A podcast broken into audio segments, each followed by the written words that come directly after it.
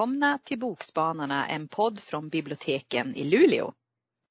Och vi som pratar är Magnus, Agneta och Julia. Det är väl ingen som har missat att Luleå har sitt 400-årsjubileum i år. I anslutning till det så har det getts ut ett helt ny historiebok om Luleås historia. Nu ska jag visa. Jag vet inte om ni ser. Den är så stor så jag kan knappt hålla upp den. Det är 400 sidor i mammutformat och det är bara den ena delen av den. Så det är verkligen liksom ett gigantiskt historieverk mm. som Ronny Wiklund och Kurt Persson har skrivit. Och den heter Luleå de första 400 åren. Och det är ju en ganska positiv titel för den visar ju på att det kommer hända något sen efter de 400 åren. Om man ger sig in och sträckläser den här som jag har gjort så det är liksom bara att inse. Man måste ta tjänstledigt. Man måste säga åt sin partner att de inte får komma hem. Eller ska man ha någon sån där hemleverering. Eh, första delen tror jag att jag höll på en och en halv vecka innan jag lyckades oh, ta mig igenom. Jesus. Men det är väl värt det. För då kan man ju fråga sig, har något förändrats egentligen? Eller liksom är historien ett enda eh, att det står still? För man får, kan få lära sig till exempel att Fastavacken, det ligger i det som kallades för ko, Kovacken. Mm. Att eh, Pitebor inte går att eh, lita på. På 1600-talet så kontaktade de kungen minsann och föreslog att de tyckte att Luleå skulle avvecklas och sluta upphöra. Ah! Ja. Så fräckt! Det är väl verkligen fräckt. Men som tur var så lyssnade inte kungen på det. Och nu har jag liksom tappat greppet här. Men det blir ju så, för det finns så mycket att berätta om den. Och den är så genuint bra skriven. Och det är inte liksom så lätt att säga egentligen om en historiebok därför det är inte alltid de har liksom de bästa och de tydligaste källorna för vad som hände. Och då framförallt när det är 400 år, alltså 1600-talet. Mm. Men eh, man kan konstatera att eh, Luleå är unikt. För eh, Piteå fick ju sina stadsrättigheter eh, samtidigt. Men de var ju ett samhälle redan innan, alltså med ganska långt gångna anor. Redan Luleå var inget annat än en kyrka på en liten bergsknabbe. Det bodde ingen där. Mm. Utom eh, kyrkvaktmästaren. Så de första åren så finns det ganska bra dokumenterat om vilka som flyttade dit. Därför kungen litar inte riktigt på Luleåborna så han ville liksom ha så här eh, regelbundna rapporter. Och anledningen då att Luleå grundades, eller grundades ska man inte säga, man ska säga att de fick statsrättigheter. Det var därför att kungen ville kontrollera handeln.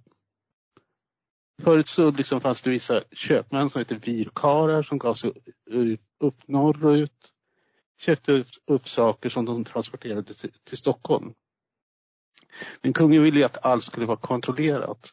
Så all handel skulle ske i eh, Jokkmokk under marknaden. Sen skulle det tas till Luleå. Och det var liksom bara borgarna eller köpmännen i Luleå som fick göra affärer, dels med bönder och dels liksom att ta ner det till Stockholm och sälja det.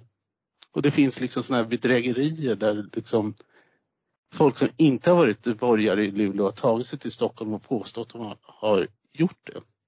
Och nu försöker jag få det här att låta som jättespännande. Ja, vi, vi sitter som på nålar här. Ja. Och det som jag tyckte var mest fascinerande att den första staden eh, var omgiven av ett staket. Alltså ett tullstaket. Därför man fick inte föra in varor hur som helst i staden.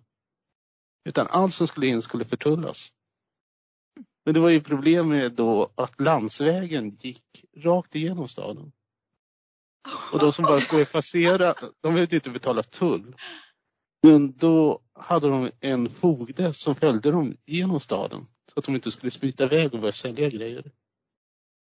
Så det verkar liksom ha varit väldigt sån där handelskommerstryck. Anledningen då att de flyttade eh, staden. Eh, det gamla eh, inloppet till Luleälven det gick alltså förbi Björsvyn. Det blev ju för grunt. Så då liksom flyttar man staden till det nuvarande läget. Alltså på halvön. I något som då hette Lilla Notviken.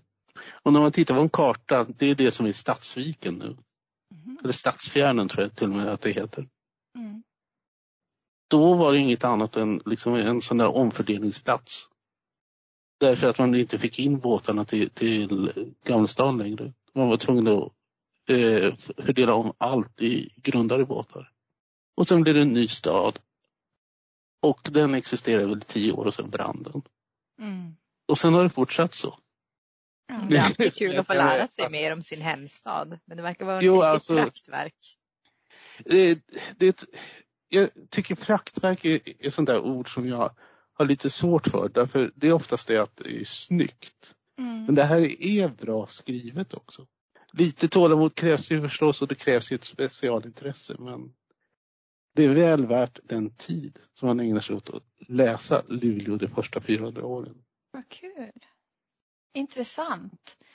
Jag kommer ihåg som, som gammal Lulebo när till exempel när, när, man byggde nya områden och sånt där. Nu, nu byggs de ju ganska långt bort men när Björksgatan skulle byggas då, då skulle min kompis, min kompis familj hade köpt hus där så vi cyklade dit och det var ju bara skog. Det var nog pinnar i en skog och det var ju då Midsommarvägen och det här första första biten efter Lulsundet så att säga. Så det är så häftigt att ha varit med om, om en sån grej också. Vet du varför de byggde Björksgatan? Nej. Det var för Stålverk 80. Jaha. Jag trodde det var, jag trodde det var därför de byggde Sunderbyn. Nej, Sunderbyn är ju äldre. Det är ju jo, men Sunderbyn, men nya delarna, nya delarna av Sunderbyn, de låg ju i träda i många år. Tomterna ha, låg ju... Hammaren. Hammaren, eh, precis.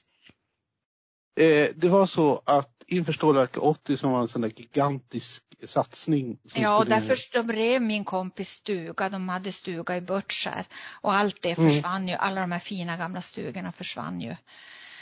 Och så blev det ingenting. Nej, Playa Plania. Det som de byggde, Playa Plania, ja. Men det som de byggde det var Hertsön och Björksgatan. Mm. Och sen hamnade hammaren hamnade i träda då. Mm. Och det börjar låta liksom verkligen sån där odrägligt trivia. Fråga mig något om Luleå och jag kan svara. Yeah. vi kanske får Eller ska jag dra mig undan på toaletten och bläddra. flopp, flopp, flopp. Vi får ha en liten quiz, Luleå-quiz. Det skulle mm. inte vara så dumt faktiskt. Ja. Jag ska, jag ska hålla mig kvar i Luleå om du är klar Magnus. Absolut. Eller jag är aldrig klar. Jag ska nej, avbryta nej. så här. Vet du att i den kyrkstugan hände det? Åh oh, vad bra, nu blev det en bra ingång till mig eftersom du säger kyrkstuga. För vi ska nämligen ta oss till Gammelstad, eller Gammerstan som vi säger, eh, till eh, en adress i kyrkbyn där Ida Sundelin har vuxit upp. Hon har bott i Stockholm i många år och hon flyttar hem. Eller hon flyttar inte alls hem utan hon tar ledigt från jobbet och åker upp för att hälsa på sin pappa. För hon har nämligen fått signaler om att det är någonting som inte står riktigt rätt till. Och när hon växte upp så jobbade hon som, som när hon gick gymnasiet och något år efteråt så jobbade hon som guide i världsarvet i Gammelstan. För Luleå stoltserar ju nämligen med ett världsarv och det är ju inte helt fel. Det är många, jag träffade en kvinna på en buss en gång i Göteborg när jag gick bibliotekshögskolan och åkte buss från Landvetter till Borås eh, som hade en hel lista på världsarv som hon liksom bockade av. Och hon skulle upp då till Norrbotten och gå igenom världsarven i men det var en, det här var en liten parentes. I alla fall, Ida, när hon kommer hem med taxi från Kallax eller Luleå Airport så ser hon ju redan på i trädgården att oj, oj, oj, hur ser det ut här? För hennes pappa har ju alltid varit så noga och haft varit stolt över sin fina gård och sin fina trädgård. Det har varit undanplockat och allting. Men då tänker hon så här. Jo men med rätt mat och motion så kommer hon säkert att kunna få in honom på, i, gamla djurspår igen.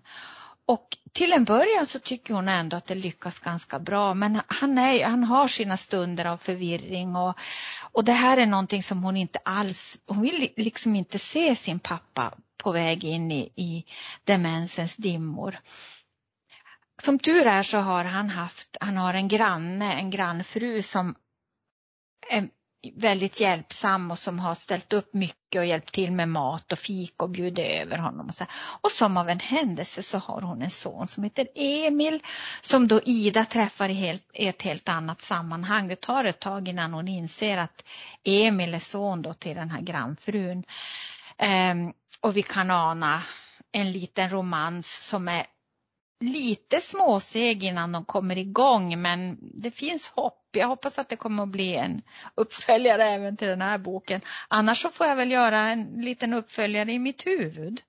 Mm. Men vad jag, vad jag tyckte var så fascinerande med den här boken det, var, det är den här jag tror att det här är den mest kärleksfulla och insatta beskrivningen av en älskad person på väg in i demensen som jag någonsin har läst. Eh, det, Idas frustration varvas ju då med både hopp och förtvivlan eftersom hon märker att pappa Sten inte alltid mår bra. Samtidigt så har vi ju lite, e, ett litet ehm, vad ska jag säga, ett litet drama för det är nämligen så att världsarvet har de har minskat sin publik. Det är inte lika mycket folk som kommer dit som, har, som det har gjort tidigare. Det här är ju då fiktion som ni vet. Eh, turistnäringen går på knäna. Ida har faktiskt en idé som hon tror kommer att kunna vända den här nedåtgående trenden. Och där behöver hon Emil till sin hjälp för han är också inblandad. För Ida får nämligen extra knäcka som turistguide eftersom det är lite kris på guidefronten och hon inser ju ganska snabbt att det hon en gång har lärt sig om världsarvet och kyrkbyn det finns kvar i hennes huvud. Så hon, sen är det lite roliga roliga händelser med de här guiderna. De frågar, de mest konstiga saker. Inte guiderna, åhörarna. De frågar om de mest eh, konstiga saker. Och nu är ju då frågan, eftersom hon behöver Emil till hjälp. Är han med henne? Eller är han mot henne? Spelar han dubbelt? För det finns nämligen en tomteby under uppväxt som heter Santajärvi. Visst är det bra I just love it. Och det här är ju, det här är Sofia Rutbeck Erikssons första vuxenroman. Hon har skrivit några barnböcker, läsvärda barnböcker tidigare. Eh, och det här är ju både det är läsvärt och roligt även om det innehåller mycket svärta precis som det ska vara i en härlig feelgood. Men vi får också intressant lokalhistoria varvad, varvad med, med just kärlek och lagom mycket drama. Och sen så hittar Ida sin farmors dagbok där hon skriver om de här kyrkhelgerna i kyrkstugorna och så här. Så det är ju också grädden på moset tycker jag i den här boken, just de här historiska eh, tillbakablickarna och sen älskar jag ju att Sofia Eriksson, Rutbeck Eriksson använder vars istället för var eller vart. Vars. För då behöver man inte tveka. Ska det vara var eller ska det vara vart? Ja, men vi använder vars. Men om det är en ja, feelgood. Jag, jag sa aldrig vad den hette. Den heter som i ett vykort. För det, Gammerstan är ju på sommaren speciellt, det är ju vackert som i ett vykort. Mm. Men är, du säker på att den heter det? Jag menar, om det är en feelgood ska det inte alltid vara lilla. Alltså den borde ju heta det, den lilla, lilla kyrkstugan i det stora världsarvet. ja! Du, bra idé. Jag, alltså jag är ju lite allergisk mot, mot de här, alla de här titlarna med ordet lilla eller Oh, jag, jag, bara därför kan jag låta bli att läsa dem. Så därför så är jag så glad att den inte heter det utan den heter som i ett vykort. Mm, tummen upp mm. för det. Ja, absolut. Och nu, nu är det väl jag som får säga och nu till något helt annat. nu lämnar vi Luleå, vi lämnar Norrbotten och Sverige. Nu ska vi ut i världen och jag tänkte tipsa om Memorial av Brian Washington. Eh, och eh, paret Benson och Mike, de bor i Houston, Texas. Och Benson jobbar på fritids och Mike jobbar som kock och han har rötter då från Japan. Och relationen är väl inte riktigt på topp. Och de har svårt att kommunicera med varandra. Och Mikes mamma Mitsuko ska komma och hälsa på från Japan och bo hos dem ett par månader. Och samma dag som hon ska anlända så berättar de Mike för Benson att han vill åka till Osaka i Japan för att hitta sin pappa. Pappan då som övergav honom och mamman i Amerika när han växte upp. Och han har hört då att, han, att pappan är döende och han vill, han vill åka på en gång. Han vill åka redan dagen efter mamman ska komma. Och eh, jag menar hans part Benson kan ju inte förstå, hur kan du åka just efter din mamma kommer? Vi bor, alltså ska jag bo här ensam? Med din mamma som jag aldrig har träffat? I flera ja. veckor kanske. Och Mikes mamma när hon liksom anländer och får höra det här, hon är ju inte precis nöjd med det här heller. Nej. För att hon kom ju för att träffa, hon kom ju för att träffa sin son och inte bo liksom med hans liksom, pojkvän som hon aldrig har träffat.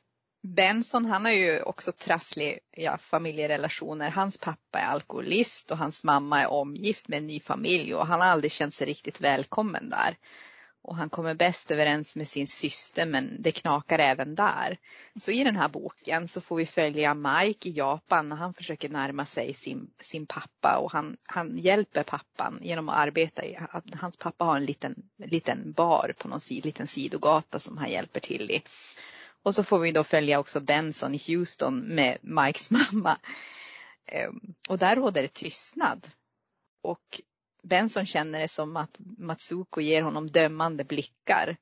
Men på något sätt med, med hjälp av matlagning, de börjar laga mat tillsammans. Så på något sätt kanske det öppnar, öppnar sig så att de kan börja kommunicera.